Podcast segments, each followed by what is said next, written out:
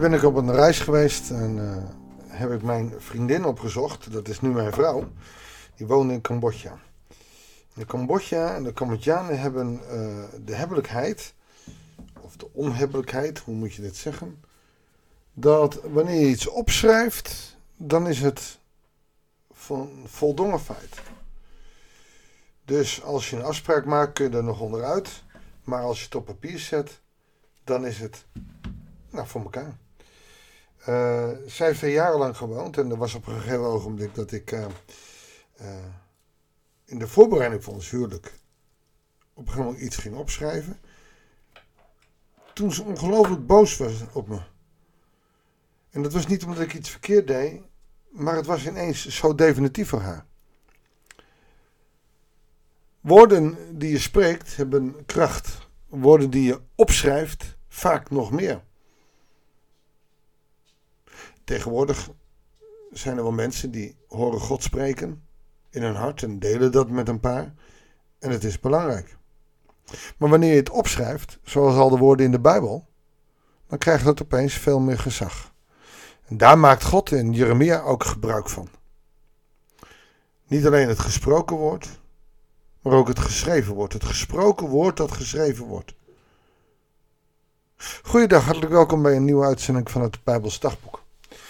We lezen op deze vrijdag de 13e, een geluksdag, uit Jeremia 36, de versen 1 tot en met 13. Jeremia 36, vers 1 tot en met 13. Het weekend gaan we door, maandag een psalm en dan volgende week de rest ook weer uh, Jeremia. We blijven dus nog even in Jeremia. In het vierde regeringsjaar van koning Joachim van Juda, de zoon van Josia, richtte de Heer zich tot Jeremia.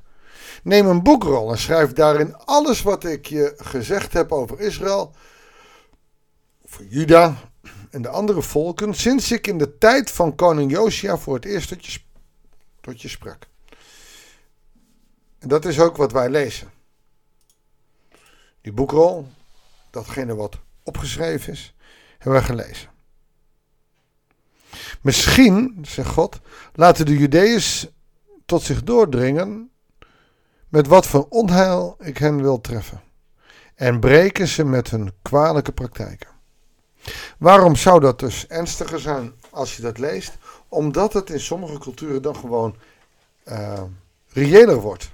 Maar ook, je kunt het nog eens nalezen. Staat het nou goed wat ik hier zeg?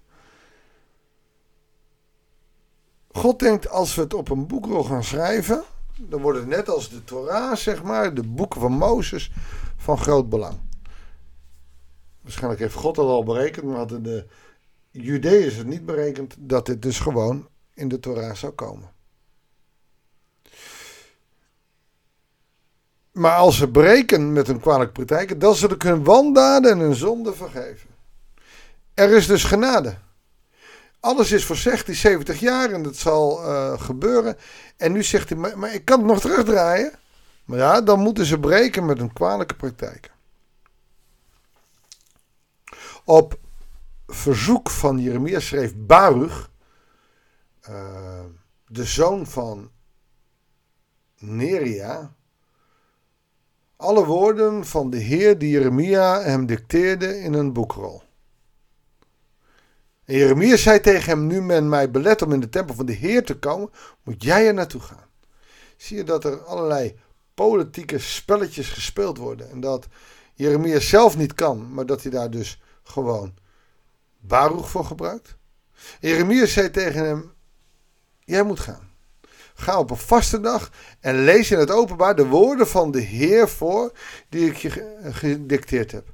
Aan iedereen, ook aan de Judeërs die uit andere steden zijn gekomen.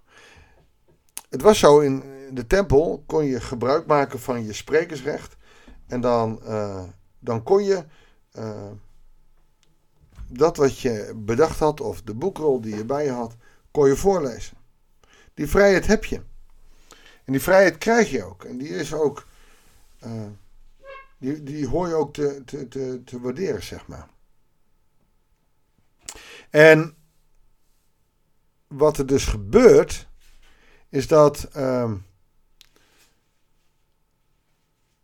God door Jeremia gebruik maakt om het aan de anderen te vertellen.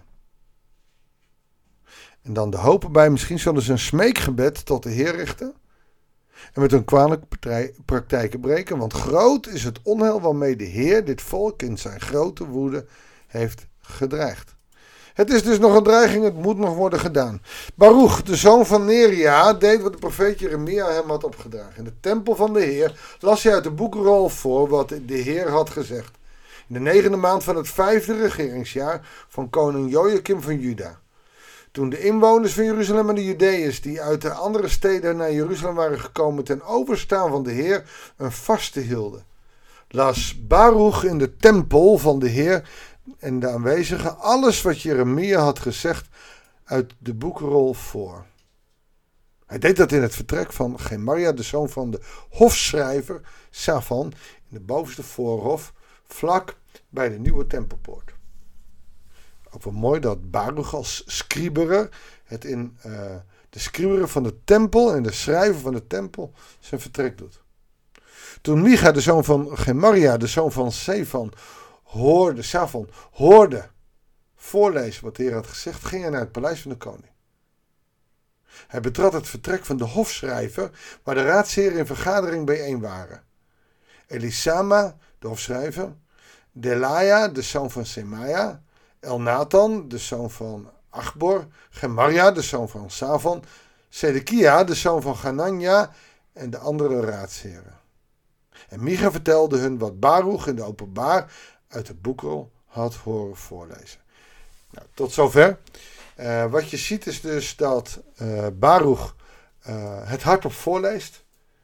En dat dus de juiste mensen het gaan horen. Er zijn altijd een soort verspieders die luisteren wat er gezegd wordt. Al is het alleen maar in opdracht van de hoge priester. Want stel dat er onzin wordt verteld. Ik heb zelf wel eens meegemaakt dat ik een dienst van een collega meewoonde.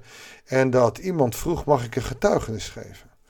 En in dat getuigenis ja, ging hij recht tegen de preek in. Dat had hij niet eens in de gaten. Maar hij ging iets tegengestelds zeggen. En helaas voor degene die dat getuigenis gaf, het was niet bijbels. Dus je wil altijd checken, is wat er gezegd wordt werkelijk waar en kun je daarvan op aan. Vandaar dat uh, Micha uh, hier luistert en verslag uit doet aan de schrijvers van de tempel.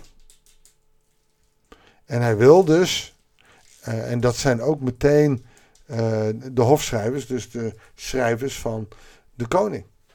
Hij wil dat het duidelijk wordt. En dat moet het worden. We gaan morgen lezen wat, uh, wat de gevolgen daarvan zijn. Maar één ding is duidelijk. De woorden van Jeremia, via Baruch, via de boekrol, zijn nu gekomen op de plek waar ze moesten zijn. Dat lukte Jeremia niet. Dat Gods wegen zijn ondergrondelijk. Hij krijgt het toch voor elkaar. Zo ook in deze tijd. Dankzij het internet zijn vele volkeren bereikt met het evangelie. Alle volken, nee nog niet. Dan zou Jezus terugkomen. Maar we zijn al wel heel ver. En wat gaaf dat zo het evangelie binnen zelfs in, in verre stammen. Ik hoorde een keer een verhaal van Transworld Radio. Ze hadden een radio. En die hadden ze een, een soort uh, kleiner gemaakt en een chip ingezet. Het werd dus als het ware een, een soort van MP3-speler. En die ging naar midden in de woestijn. Maar wat zat er aangekoppeld? Een zonnecollector. Dus deze MP3-bijbel kon worden opgeladen met de zon. En zo konden ze midden in de woestijn, zonder dat daar stroom was, toch luisteren. Gods wegen zijn ondergrondelijk. Er zijn er 1200 mensen, wereldwijd, die luisteren naar de podcast van mij. Gods wegen zijn ondergrondelijk. Zo gaaf dat hij zoveel manieren bedenkt om zoveel mensen te bereiken. Wij hoeven alleen maar uit te stappen en te doen. God gebruikt het. Ik hoop dat alles wat jij vandaag zegt, doet en, nou ja, misschien wel laat, voor de Heer dat God het medewerkt ten goede en dat het gebruikt wordt in het koninkrijk. En als je dat dan ook wil zien, dan zal je de vreugde daaruit gewoon ook ervaren. Ik wens je deze dag en dit weekend God zegen. En laat me kort voor je bidden. Want de genade en de vrede zijn met jou. De liefde van God onze Vader. In de gemeenschap met zijn Zoon, de Heer Jezus Christus. En in de kracht van de Heilige Geest. Zal jij gezegend zijn. Vol zijn van Hem die jou heeft gezien, gehoord en heeft uitgekozen. Hij spreekt je aan. Luister. Laat het er niet op nakomen dat iemand het moet voorlezen. Luister naar de Heer en word wijs. Ik wens je veel zegen en graag tot de volgende uitzending van het Bijbelsdagboek.